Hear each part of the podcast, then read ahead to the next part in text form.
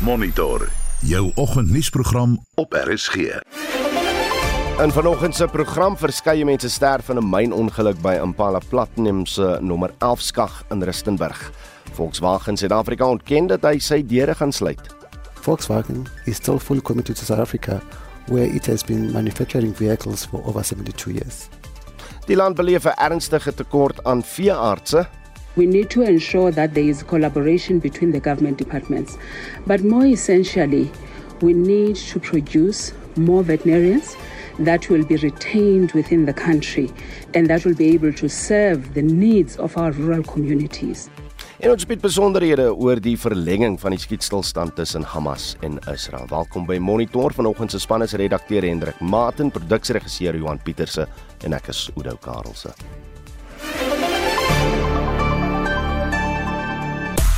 In jou sportnuus, Jean Klein en RG Snyman besluit oor hul toekoms by Munster. Ons kyk na al die dag se cricketwedstryde wat plaasvind, asook die sokkerkragmeting vanaand in Kaapstad tussen Cape Town Spurs en Stellenbosch FC. Hoeveel is jy bereid om aan mediese sorg vir 'n siek of beseerde troeteldier te betaal? Hoeveel het jy al bestee? Suid-Afrika het 'n groot tekort aan veeartse tot so 'n mate dat ons nou na immigrante moet kyk om die tekort aan te vul. Nou die Suid-Afrikaanse Raad van Veeartse meen dat uit die 160 praktisyns wat elke jaar kwalifiseer, is daar 150 wat ons land verlaat. Nou dit laat ons wonder. Gesondheidsorg vir troeteldiere is duur. Dalk het jy troeteldier versekerings of betaal jy maar soos dit kom? Of laat jy maar jou diere se lot aan die natuur oor. Wat ook al die geval is, praat bietjie staan. Stuur vir ons 'n SMS na 45889. Dit kos jou R1.50 per boodskap of stuur vir ons 'n stemnota op uh, WhatsApp na die nommer 076 536 6961. Dis byna 11 minute oor 6. Die mynmaatskappy Impala Platinum het vroeg vanoggend aan Monitor bevestig dat verskeie mynwerkers by die myn se nommer 11 skag in Rustenburg dood is. Die woordvoerder van Impala Platinum, uh, Johan Teron, sê ondersoek word ingestel om vas te stel wat presies by die myn gebeur het toe 'n huiser wat mynwerkers op en af in die skag vervoer het gistermiddag meegegee het. Paramedisy en protospanne is onmiddellik na die toneel ontbied. Ons praat nou met Johan Teron. Johan, goeiemôre. Môre Udo. Wat kan jy vanoggend bevestig oor presies wat gebeur het? Udo, ek kan bevestig dat uh, rondom 5uur gistermiddag het die personeel huiser by ons nommer 11 skag in Rustenburg, ehm um, soos die gewoonte is, mense begin oplaai aan die onderkant van die skag en soos hy opgegaan het en mense opgelaai het, het hy onverwags begin afgly teen die skag. Ehm um, en uh, in in die proses wat hy nou gestop het aan die onderkant van die skag is die mense wat in die huiser was ehm um, noodwendig beseer. So ek kan bevestig dat daar was rondom 80 mense op daardie stadium binne in daai ehm um, huisbak en uh, ek kan bevestig dat uh, tragies is 11 van hulle oorlede aan hulle beserings wat hulle opgedoen het in die insident. Weet ons wat die oorsaak is? Dit is baie moeilik om op hierdie stadium te sê. Ek dink dit is belangrik om te weet dat al die myne in Suid-Afrika en eintlik reg oor die wêreld gebruik presies dieselfde stelsels en hierdie stelsels oor die jare is baie baie veilig met you know, baie baie safety maatreëls wat in plek gestel word om te verseker dat sulke insidente nie plaasvind nie. So ons sal noodwendig nou 'n deeglike ondersoek moet loods, nie net vir onsself nie, maar vir die hele industrie om presies te verstaan wat gebeur het en hoe dit voorkom kan word. Wat is die kapasiteit van van so 'n huisbak? Hoeveel mense kan veilig op en af in hy skag ry? Uh, uh, uh, ja, dit hang af dit hang af van die grootte van die skag. Hier is 'n baie groot skag. Hy het drie platforms. Ehm um, en enigiets van 35 tot 45 mense kan gemaklik inpas op so op op so 'n plek. So enigiets rondom 100 120 mense Hierdie was aan die einde van die skof, so hy was nie heeltemal vol nie. So daar was rondom 80 mense, maar daar kan maklik ehm um, weet 100 120 mense op een slag in so 'n groot ehm um, personeelhuispak pas. So wat gebeur vanoggend nou daar by die myn? Ehm um, uit die aard het ons deur die nag gewerk. Ehm um, die protospanne is ehm um, baie naby om die om die reddingspoging te finaliseer en en af te teken en uh, op hierdie stadium is daar 42 mense met beserings opgeneem in die hospitale. Ehm um, die die protospanne van reg oor die area en die noodhulp en en die hospitaalpersoneel van die area was ongelooflik hulpvaardig en uh, uh ek kan hulle nie genoeg bedank vir vir hulle werk wat hulle deur die aand gedoen het nie. Sê Johan Toron, baie dankie vir u tyd op monitor. Hy's natuurlik die woordvoerder vir Impala Platinum. Die uitvoerende hoof van Volkswagen se passasiermotorafdeling in Duitsland, Thomas Schäfer, is bekommerd oor die toekoms van die vervaardiger hier in Suid-Afrika. Hy het in 'n onderhoud met Reuters gesê die maatskappy is 'n sakeonderneming en nie 'n welsynsorganisasie nie. Schäfer sê faktore soos die mededingende arbeidskoste het die Suid-Afrikaanse fabriek van die vervaardiger een van die beste sakebestreders in die wêreld gemaak, maar dit is nie meer die geval nie. Duisende motors word jaarliks uitgevoer en ons praat nou met die woordvoerder van Volkswagen Suid-Afrika Andile Lamini. Andile, good morning. Good morning, Udo. Schaefer, uh, good to have you on. Schaefer was quoted as saying, eventually you have to say, why are we building cars in a less competitive factory somewhere far away from the real market where the consumption is? I am very worried about it. We're not in the business of charity. Now, this is a man tasked with cutting costs globally by 20%. Based on these words, are job cuts on the cards for your South African operation? yeah, maybe uh, the, the the term that um, uh, Mr. Schaefer used of uh, not being a charity organization uh, was uh, taken out of context. What he merely uh, um, meant to say was that we are in a in a business of building and selling cars. So we cannot use the, the sentimental that organization has had uh, with South Africa for uh, over 72 years. So we are competing with uh, over 100 other manufacturing plants within the group of Volkswagen. So if you're not competitive in terms of how much it costs to produce a car, the company has to look at where it's cheaper and mm. then where the markets uh, markets are. Because we export uh, uh, about 75% of the polos that we build at Carrieja. I, so I, I get, plant, I get that. Mm. That is the writing that is on the wall. My question to you is: Are job cuts on the cards for your South African operations?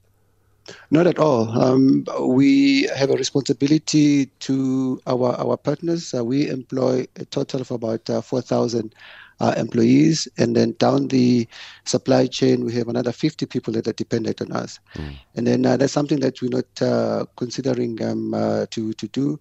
What Mr. Schaefer was doing was to say to our government, uh, the cost of uh, running our operations in South Africa is becoming uh, expensive. Mm. We have to resort to uh, installing generators. And then we have ESCOM, uh, which has a mandate to provide uh, power to businesses and then to the um, to the residential um, homes.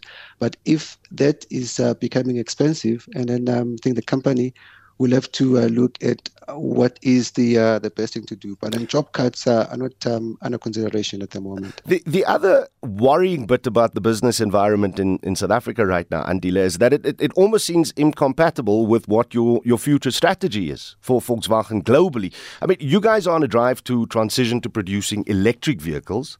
Schaefer further said in his interview there's no current plans to introduce EV manufacturing in South Africa since electric cars are priced out of reach of domestic consumers and producing them locally would not be environmentally sustainable because uh, it's just not going to work for the export market. There's an incompatibility with where the company wants to go and, and the business environment in South Africa. That's, uh, I mean, that's true. But uh, one thing that uh, we need to remember we have to build cars uh, where the demand is. In South Africa and then uh, the rest of the continent, your internal combustion engines are the cars are the cars of choice. Mm. And if you look at other markets as well in South America, you have India. ICEs uh, are cars uh, that uh, will be sold uh, for the foreseeable future. In Europe and in America and in China, so governments have passed policies to say they will move to uh, electric vehicles. For us, um, we are building the right cars for the uh, right uh, uh consumers, so that will continue. But on the question of EVs, uh, it's something that uh, it's inevitable. So we have to look at how do we slowly start introducing EVs uh, to uh, our market? But there are a number of things um, that have to be in place. One of them, which we've been uh, um, uh, dealing with uh, together with NAMS, um, with government, is how can we introduce a policy that um, allows uh, for a conducive market to be able to slowly introducing EVs. EVs are quite expensive now because there's no support from government, and also to produce an electric vehicle in South Africa will require that uh, we have uh, better manufacturers, Sure. which uh, come uh, at a very um, uh, expensive cost because of the investment associated So, so NAMSA has said that there will be no production of electrical vehicles unless there's a proper incentive, because it's as as as they see it, uh, out of the reach of the average South African. So. a- Am I to then assume the, these harsh words about the South African operation by Thomas Schaefer is to get the South African government to get on board?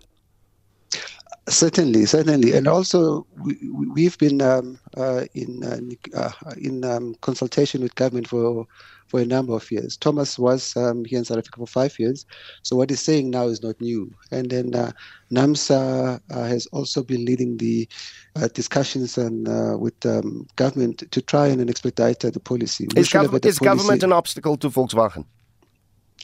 I wouldn't say it's an obstacle. Um, government is our partner, uh, but uh, we need to work with government. So if we feel what is required um, to operate in South Africa is not being done, we have to be vocal. Um, we, have uh, channels that we follow with government, but at some point uh, we just um need to let the public know what the issues are. So we're hopeful that uh, things will change in the near future.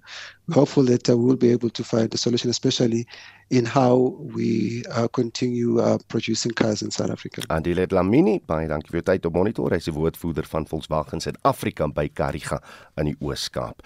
Die firma Esolweni eis die onmiddellike betaling van net minder as 150 miljoen rand aan die ANC. Dit volg na die Appelhof die ANC se bewering dat daar nie 'n geldige kontrak met die firma was nie verwerp het. Esolweni se prokureur Shafik Sarli sê die uh, die eis uh het sy oorsprong in die lewering van baniere en ander verkiesingsmateriaal aan die ANC in 2019. Sarli sê hulle het 'n lys van bates wat die ANC se hoofkantoor in Johannesburg, Luthuli House, insluit wat hulle wil likwideer. As dit egter nie genoeg is om die skuld te delg nie, kan dit ernstige politieke implikasies vir die ANC inhou. the words of Justice Trevor Govan, uh, quoting from another case, says it all. It said, I quote, the denials of the ANC fall into the category of bold, uncredworthy denials designed to create fictitious disputes of fact. So overwhelmingly, unanimously, the full bench of our highest court indeed, I mean, the Supreme Court of Appeals, found in favor of our client and dismissed the ANC's appeal. Sarli sê die bedrag wat hulle eis is 'n breekdeel van die ANC se totale verkiesingsbegroting.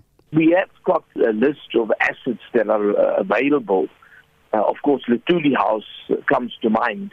There are also bank accounts that we have previously attached, and we had to remove the attachment uh, when the ANC started the appeal process.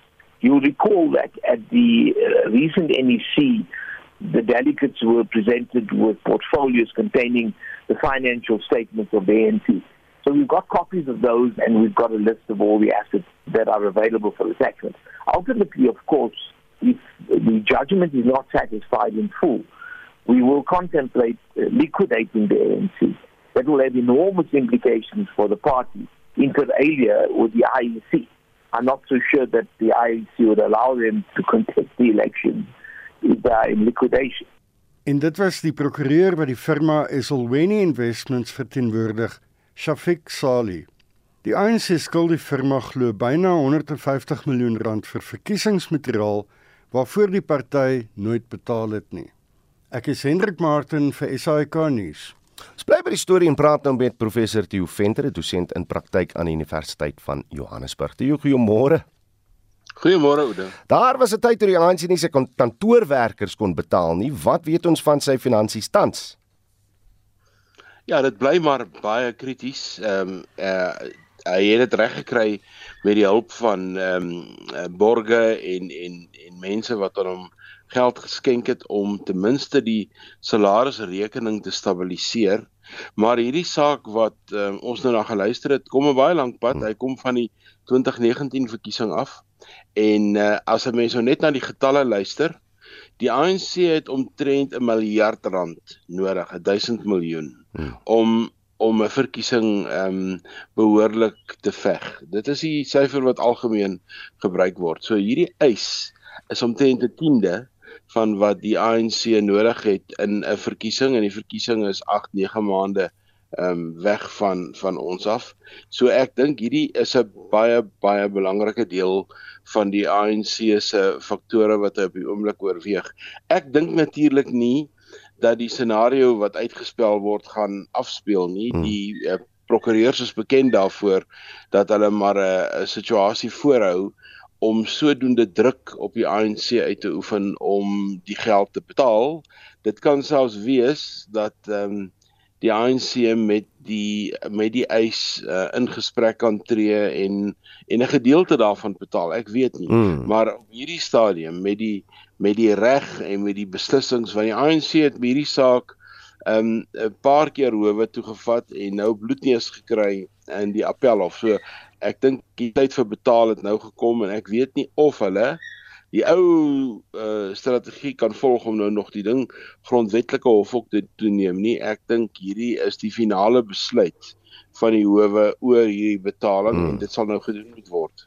Dan dan moet ek vra as daar enige moontlikheid is soos hierdie prokureur nou eis dat die ANC gelikwideer word. Kan 'n party wat gelikwideer word of ge gelikwideer is in 'n verkiesing staan? In alle waarskynlikheid nie, want jy eh, die die situasie is as hy nie geld het nie. Met ander woorde, uh, gelikwideer beteken eintlik dat hy ehm um, onneem is van sy kontantvloei, dan kan hy nie in 'n verkiesing um, betrokke wees nie want hy het nie die vermoë om daaraan deel te neem nie. So dis 'n hoendereier situasie of uh die situasie dat 'n party wat in likwidasie is aan die verkiesing kan deelneem. Daaroor is ek onseker, maar 'n party wat in likwidasie is, het nie die vermoë om aan 'n verkiesing deel te neem nie. Hy het net eenvoudig nie die goedere om eenvoudige goed te doen, om weer eens ehm um, T-hemde te druk, om plakate te druk, om te betaal vir allerlei bemarkingsmateriaal om politici ehm um, oor die land heen te stuur om busse ehm um, te kry um, om kos te kry vir byeenkomste.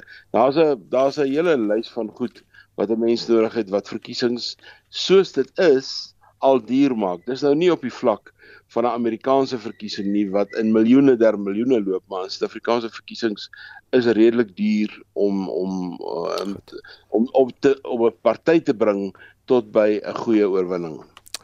Salom Dophou, professor Theo Venter, hy's 'n dosent in praktyk aan die Universiteit in Johannesburg. Wêreldnuus. Ali Skeper sluit met ons aan met 'n blik op wêreldnuus gebeure.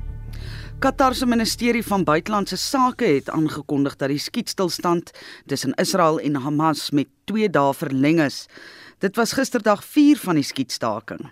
Qatar tree as bemiddelaar tussen die twee partye op 'n Woordvoerder vir die Qatarese Ministerie van Buitelandse Sake, Dr. Mayet Al-Ansari, sê die bemiddelingsproses is nie aldag maklik nie.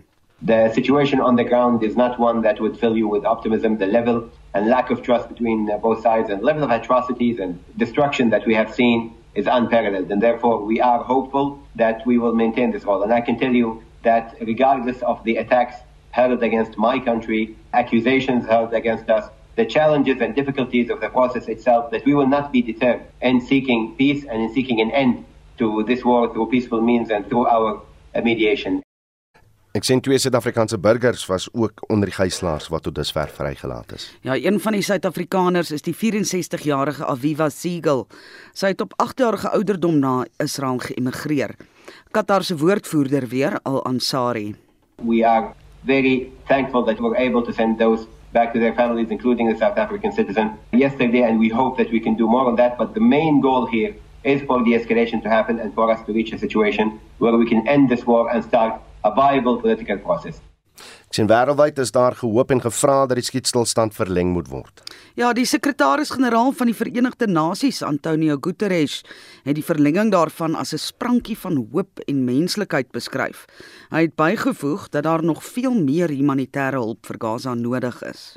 I strongly hope that uh, this will enable us to increase even more the humanitarian aid to the people in Gaza that is suffering so much, knowing that even with that additional amount of time, it will be impossible to satisfy all the dramatic needs of the population in Gaza. En dit was uh, Marlies Skeepers met 'n oorsig oor die oorlog tussen Hamas en Israel. Die politieke party Action SA het met 'n nasionale toer begin om die land se grense te inspekteer. Die party se president, Herman Mashaba, glo die verval by grensposte veroorsaak 'n invloed van onwettige immigrante. Hy sê misdade soos die smokkel van onwettige sigarette, die handel in mense en ander misdade gebeur omdat die grense nie behoorlik beveilig is nie. Ons praat nou met Herman Mashaba oor sy plan, uh, planne. Herman, good morning. Yes, good morning and good morning to the listeners. Give us a sense of what your eyes saw at Bridge yesterday.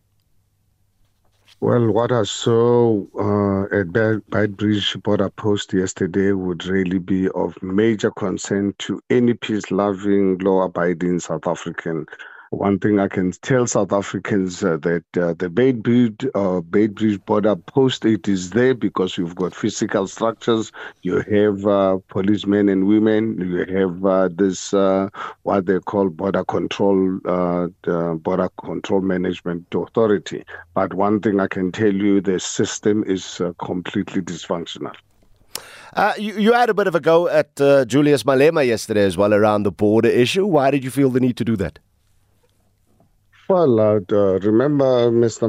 Malema is the one uh, who encouraged uh, people of Africa to say, in the event uh, that uh, we tighten our borders, they must find creative ways uh, to come to South Africa. So I find it really very strange that a member of parliament who is supposed to encourage South Africans to uphold the rule of law, he's the one who is actually encouraging South Africans to break the law.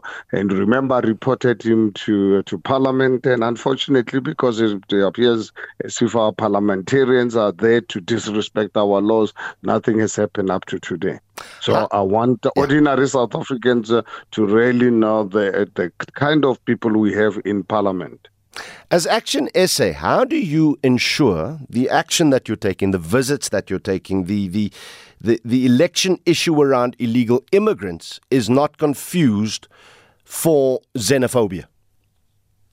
Well, I think anyone would ever think like that would really be someone who is actually is same as Malema is thinking because you cannot expect the country to live with laws uh, on on paper but when it comes to practice then uh, we we preach something else so you can only obviously i think talk about xenophobia if you you don't really believe in the laws of South Africa, you want South Africa to be a chaotic country, a country without laws. Why do we have uh, laws when we we we are not really prepared to respect them? This country uh, is not a jungle. This country, it's a country with laws that's supposed to really be uh, respected. It is for that reason today we suffer. We have the highest sustainable unemployment rate in the world. We're the meta capital of the world with the rape capital of the world. We've got politicians uh, who openly uh, steal public monies with impunity. And uh, people are saying we should not really respect the laws. So I think uh, anyone would ever even think about that, that the same as Malema. Owen Mashaba is die president van Action SA. Jy luister na Monitor. Elke week saterdag tussen 6 en 7. 632 en hier is wat voor lê. 11 mense sterf in 'n mynongeluk by Impala Platinum se nommer 11 skag in Rustenburg in Noordwes. Twee Suid-Afrikaners wat in Ekwatoriaal Genee aangehou word, smeek die Suid-Afrikaanse regering om in te gryp en Suid-Afrika beleef 'n ernstige tekort aan veeartse. Bly ingeskakel.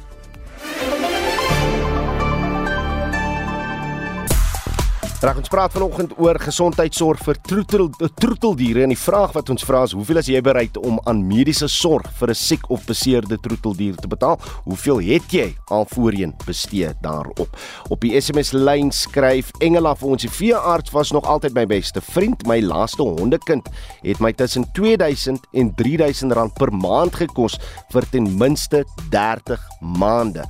Hoekom? Wat was die toestand daar? Uh, maar dankie vir die boodskap Engele. Laat ons miskien net so voor 7 uur weet uh, weet daaroor. Uh, en dan sê af die veearts self is nie duur nie.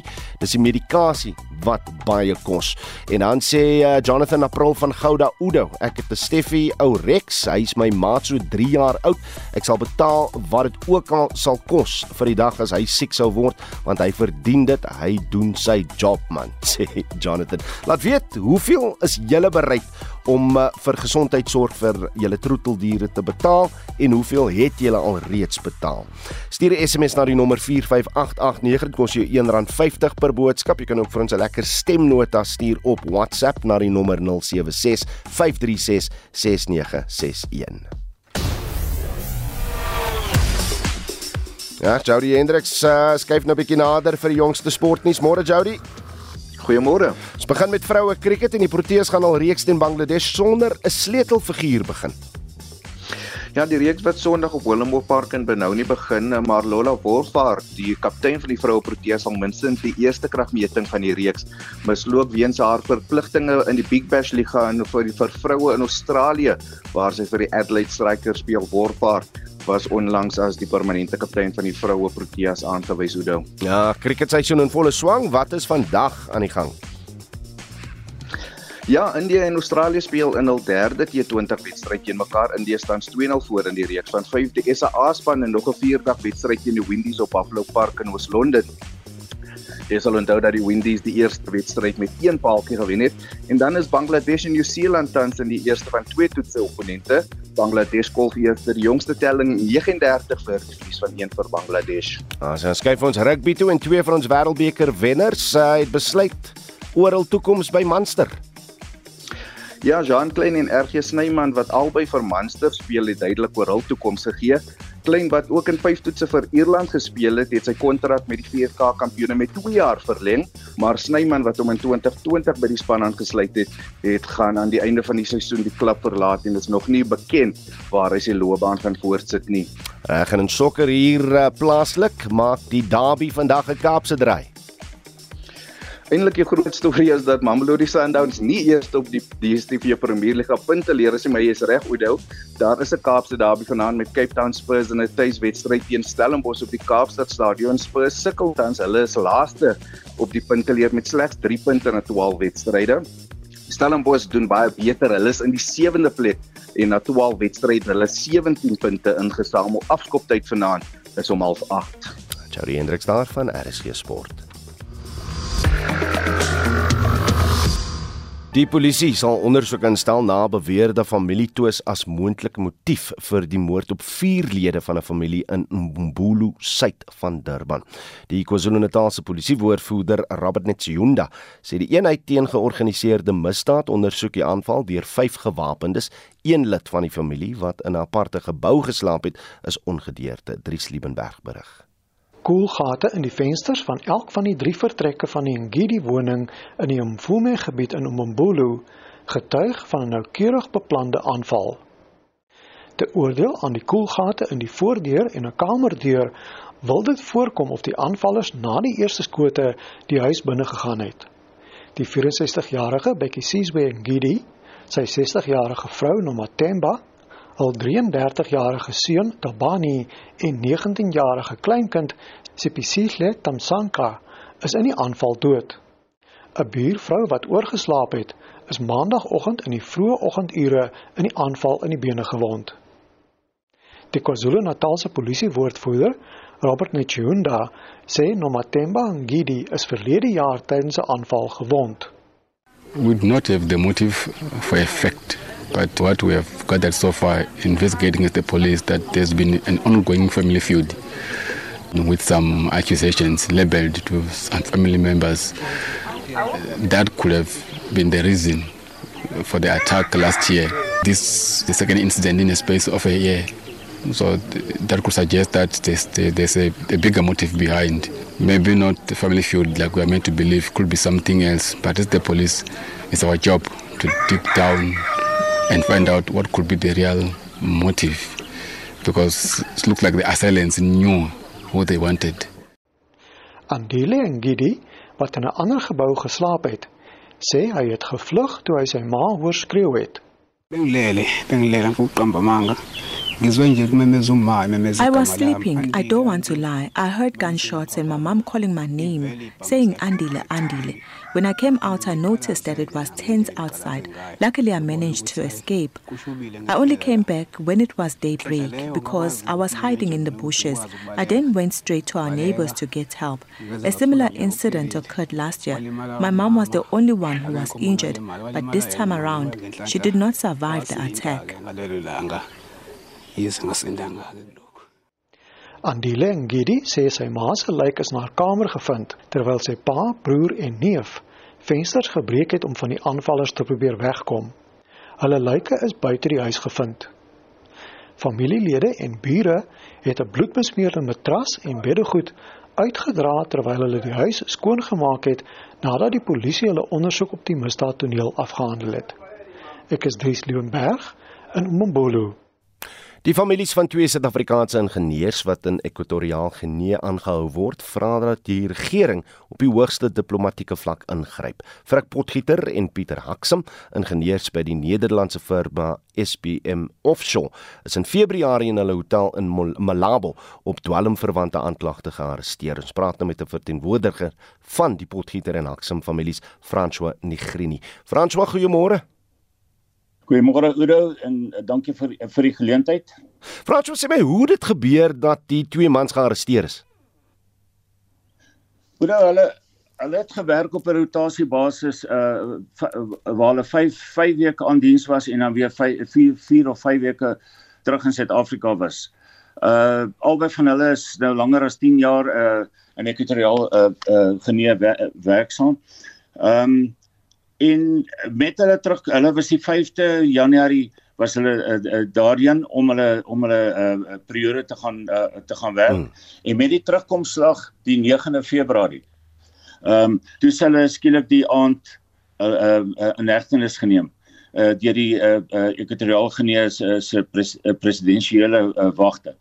En uh, en ja, uh, ons het uh, ons ons was die volgende week was was ons uh, op twee geleenthede by uh by Durban hier in Suid-Afrika in Pretoria uh, waar hulle ons te, te woord gestaan het. Ons het ook die Suid-Afrikaanse amb, uh, ambassadeur daar ontmoet van Ekwatoriaal Genee.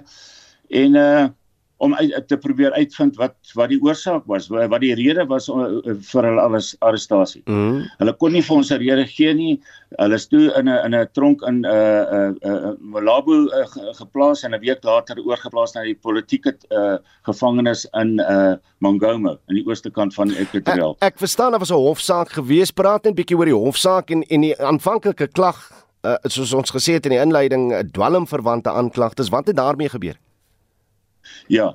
Ehm um, uh, uh, hulle uh, hulle was aangekla gewees vermoedelik oor uh uh, uh, uh dwelm dwelmmiddels en dwelmhandel en uh, uh, vermoedelik sê hulle is is daar uh, dwelms op hulle gevind. Mm. Maar weet jy tot op hede kan ek vir jou sê hulle bagasie is is uh, steeds by SPM se se hoofkantore in 'n uh, in 'n uh, ekwatoriaal genee onoopgemaak. Niks is daar uitgevat nie. Die een tas is nog gesluit met 'n kode en en dis meer. Toe is hulle uh, uh, in in 'n hof aangekla um, uh, vir vir dwelmhandel. Daar was geen absoluut geen bewyse teen hulle uh, uh, wat wat uh, uh, genoem en ge, gemeld was nie. En dit het nie teestaande dit was hulle vir die maksimum uh um, uh boetes en en uh gevangenis uh, opgelê 12 12 jaar gevangenis plus uh 5 miljoen uh, dollar elk uh as as 'n as 'n boet uh, as as 'n skade skadevergoeding plus hmm. nog 'n boete op. Reg, hulle arrestasie word met die beslaglegging op 'n seiljag van die adjunkpresident van Ekwatoriaal Genee in Kaapstad verbind. Wat watter besonderhede het jy daaroor? Ja, dit het ons nou eers agterna uitgevind. Op die 7de Februarie, 2 dae voor voor hulle arrestasie, uh het die Suid-Afrikaanse regering of die howe beslag gelê op op 'n 'n 'n 'n 'n boot en en uh en uh ander uh uh bates van die uh, die visiepresident van uh Ekwatoriaal Genee wat uh, wat die seun is van die president. Ehm um, en ons vermoed dat uh dat dit maar uh, daaroor is dat hy die eerste eerste Suid-Afrikaners wat hy kon aankeer was nou ongelukkig nou Pieter en Frik en uh het het hy hulle hulle twee in die, uh, in die gevangenis uh, gestop en en hulle hulle word nou absoluut ge, gebruik as 'n speelbal. Is jy is jy ten minste in verbinding met Frik en Pieter en hoeveel keer het julle nou aan Dirkhou se deur geklop om in te gryp? Soos ek gesê het, ons het twee twee uh twee keer uh binne die eerste week was ons by Dirkhou se kantore uh en en uh met met hulle kontak uh, gemaak en 'n in 'n vergadering gereël oor oor die pad vorentoe en is daar was vir ons gesê van van al hierdie uh uh uh, uh verdra uh, uh Geneva Geneva se conf, uh, convention en ek weet nie wat wat 'n uh, uh verdra uh, alles nie. en uh hulle sou hulle sou uh, definitief toegang uh uh gehad het om vir Frik en en uh en Pieter op 'n gereelde basis uh, te kon sien. Ons self het ehm uh, het uh, min baie min terugvoering gekry van Dirke. Ehm um, ek moet vir jou sê uh, SPM uh was uitstekend in hierdie geval van dag 1 af. Hulle het 'n uh, krisis uh komitee opgestel met hulle senior bestuur uh ehm um, uh ook uh, teenwoordig daar en ons het vir die eerste 4 maande het ons van maandag tot vrydag het ons terugvoering gekry van hulle uh, elke aand terugvoering uh, volledige terugvoering hmm. gekry. Uh maar van Dirke Dirke self die laaste uh laaste klompie weke en maande nie veel nie die, wat die besoeke aanbetref ehm um, kon SBM met met uh twee dokters wat hulle aangestel het al vier keer by uh Pieter en Vrug 'n uh, Vrug uh in die gevangenis uh, uitkom. Hulle hulle uh, die terugvoering wat ons kry het is hulle uh, hulle het uh, baie gewig verloor uit die aard van die saak.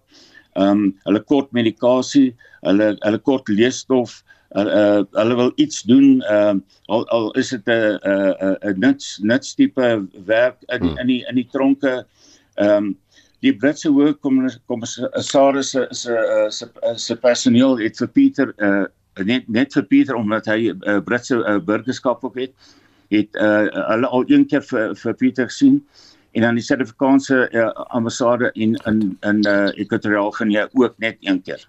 En dit was 'n uh, verteenwoordiger van die Potgieter en Haksam families François Nigrini. Die Suid-Afrikaanse Veeartse en Kundige Raad is bekommerd oor die baie veeartse wat Suid-Afrika verlaat. Die organisasie sê 150 veeartse verlaat die jaar die land jaarliks, terwyl daar elke jaar 160 by die onderste boot kampus van die Universiteit Pretoria kwalifiseer. Veeartse is verlede maand terug op die Suid-Afrikaanse Suid-Afrika se lys van noodsaaklike vaardighede geplaas. Dit baan die weg vir buitelandse veeartse om hier te kan kom werk. Ons praat nou met die voorsitter van die Suid-Afrikaanse se veeartseny vereniging in die Ooskaap Dr Leon De Bruin. Leon, goeiemôre. Goeiemôre broer, goeiemôre aan jou luisteraars. In 'n netedop, hoekom verlaat ons veeartse Suid-Afrika? ja, so daar's persepsies en daar's die waarheid. En ons het verlede jaar die vereniging besluit kyk ons moet 'n bietjie ondersoek doen. So ons het 'n groot opname gedoen nadat ons van die lys van daai noodsaaklike vaardige uh, lys afgevat is.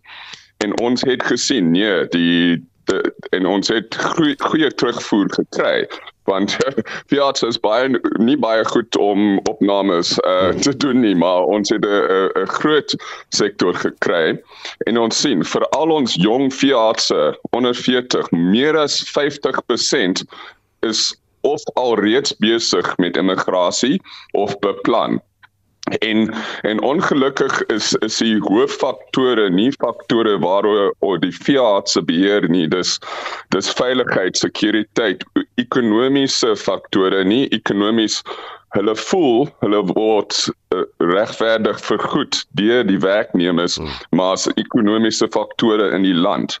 So so dit is dit is 'n groot groot probleem. Ehm um, en ons gesien wel is daar 'n tekort. Hmm. En ons sien as as 'n werknemer vir 'n veearts soek in die stedelike streke vat dit meer as 6, 6 maande normaalweg om dit te daai werkpos te vul en in die landelike streke kan dit meer as 'n jaar vat.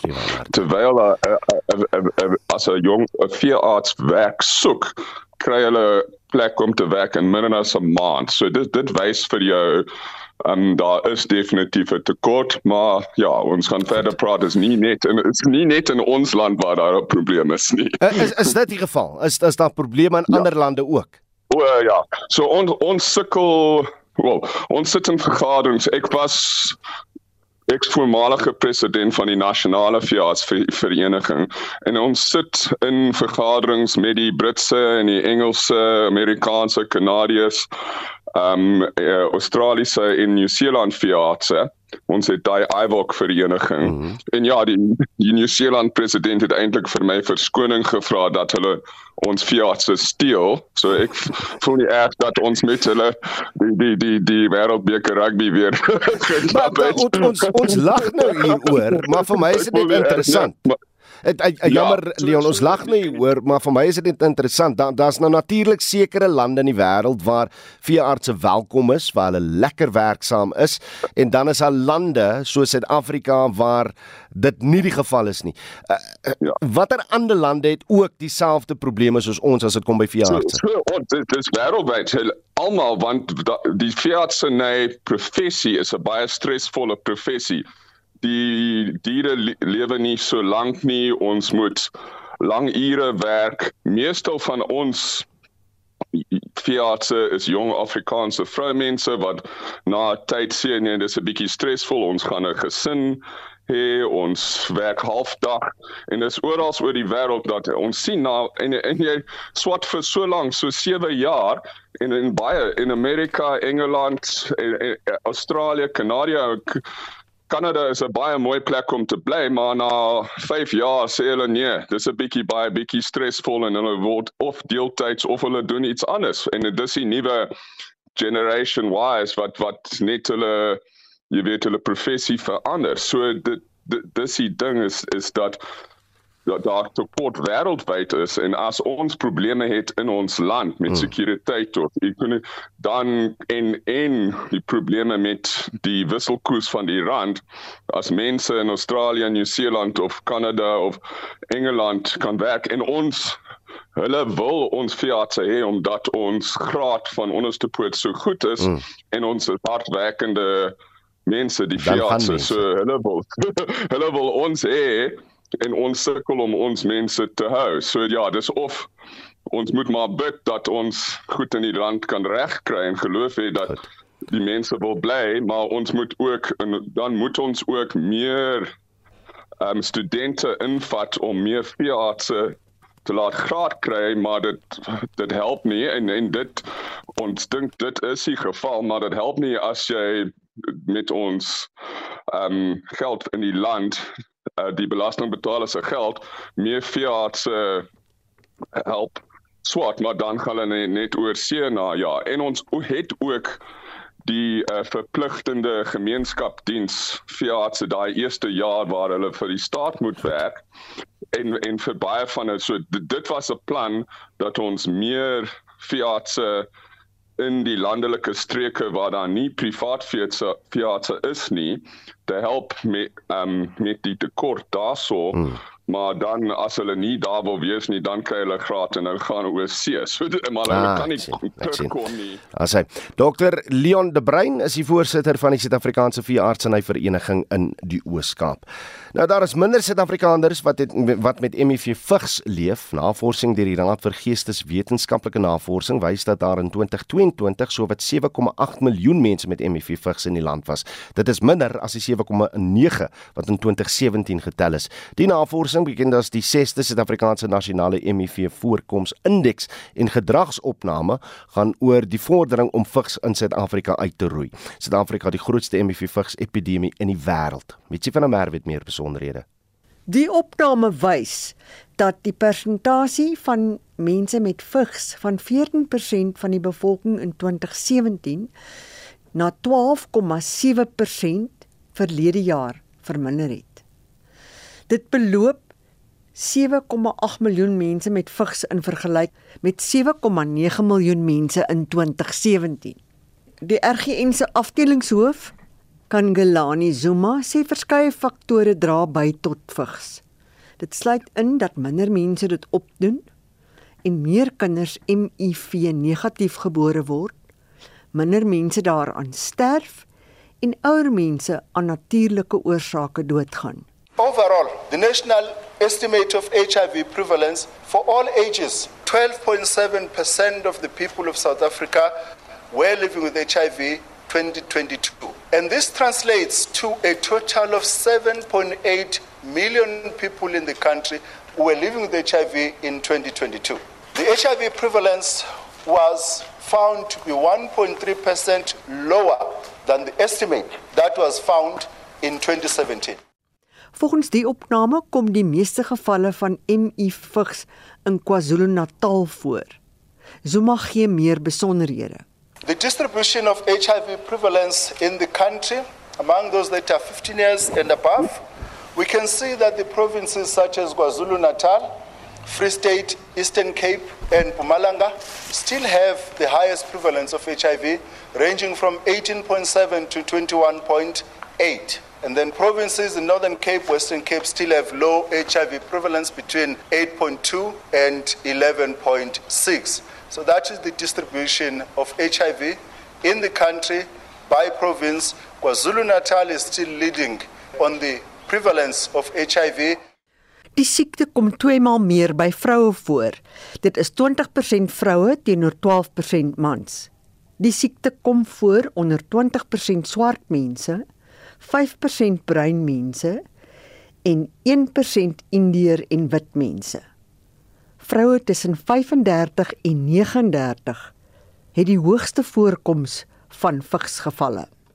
Females and males can see that among those aged 0 to 14 year olds prevalence between young boys and uh, young girls there the young ones 2.2 to 2.6 not a big difference but as we go along among those that are 15 to 19 20 to 24 25 to 29 we begin to see young girls having higher prevalence compared to young boys. Young girls having sexual contact with uh, older people. You can see along the way that uh, females have higher risk of HIV compared to males, and males start catching up towards the later ages, 45 years and above. Zuma sê dis aangenaam dat die aantal nuwe infeksies afneem. The numbers of new infections among younger people is actually dropping because if there were more new infections, the HIV prevalence in 2022 would have been higher, especially among the younger ones. But the shift it shows that uh, there's fewer and fewer people, people below 40 years, that are getting infected. Like it shows a good picture that fewer and fewer people are getting infected with HIV. The epidemic is shifting. So we show that people in a way are actually living longer with HIV than it was the case in the previous years. Die 2022 opname toon blywende leemtes in die bestuur van die vigsepidemie in Suid-Afrika. Prabashni Moodley het hierdie verslag saamgestel. Mitsi van der Merwe, SAK nuus. En ons hou oog op hoeveel jou troeteldiere jou kos 'n maand. Stuur gerus 'n SMS, deel bietjie daar uh, op die nommer 45889 kos jou R1.50 per boodskap of stuur vir ons 'n WhatsApp stemnota op 0765366961. Ons groet namens ons uitvoerende regisseur Nicoline Lou, ons redakteur vanoggend Hendrik Maten, ons produksieregisseur Johan Pieterse en ek is Oudou Karelse. Op en wakker is volgende. Totsiens.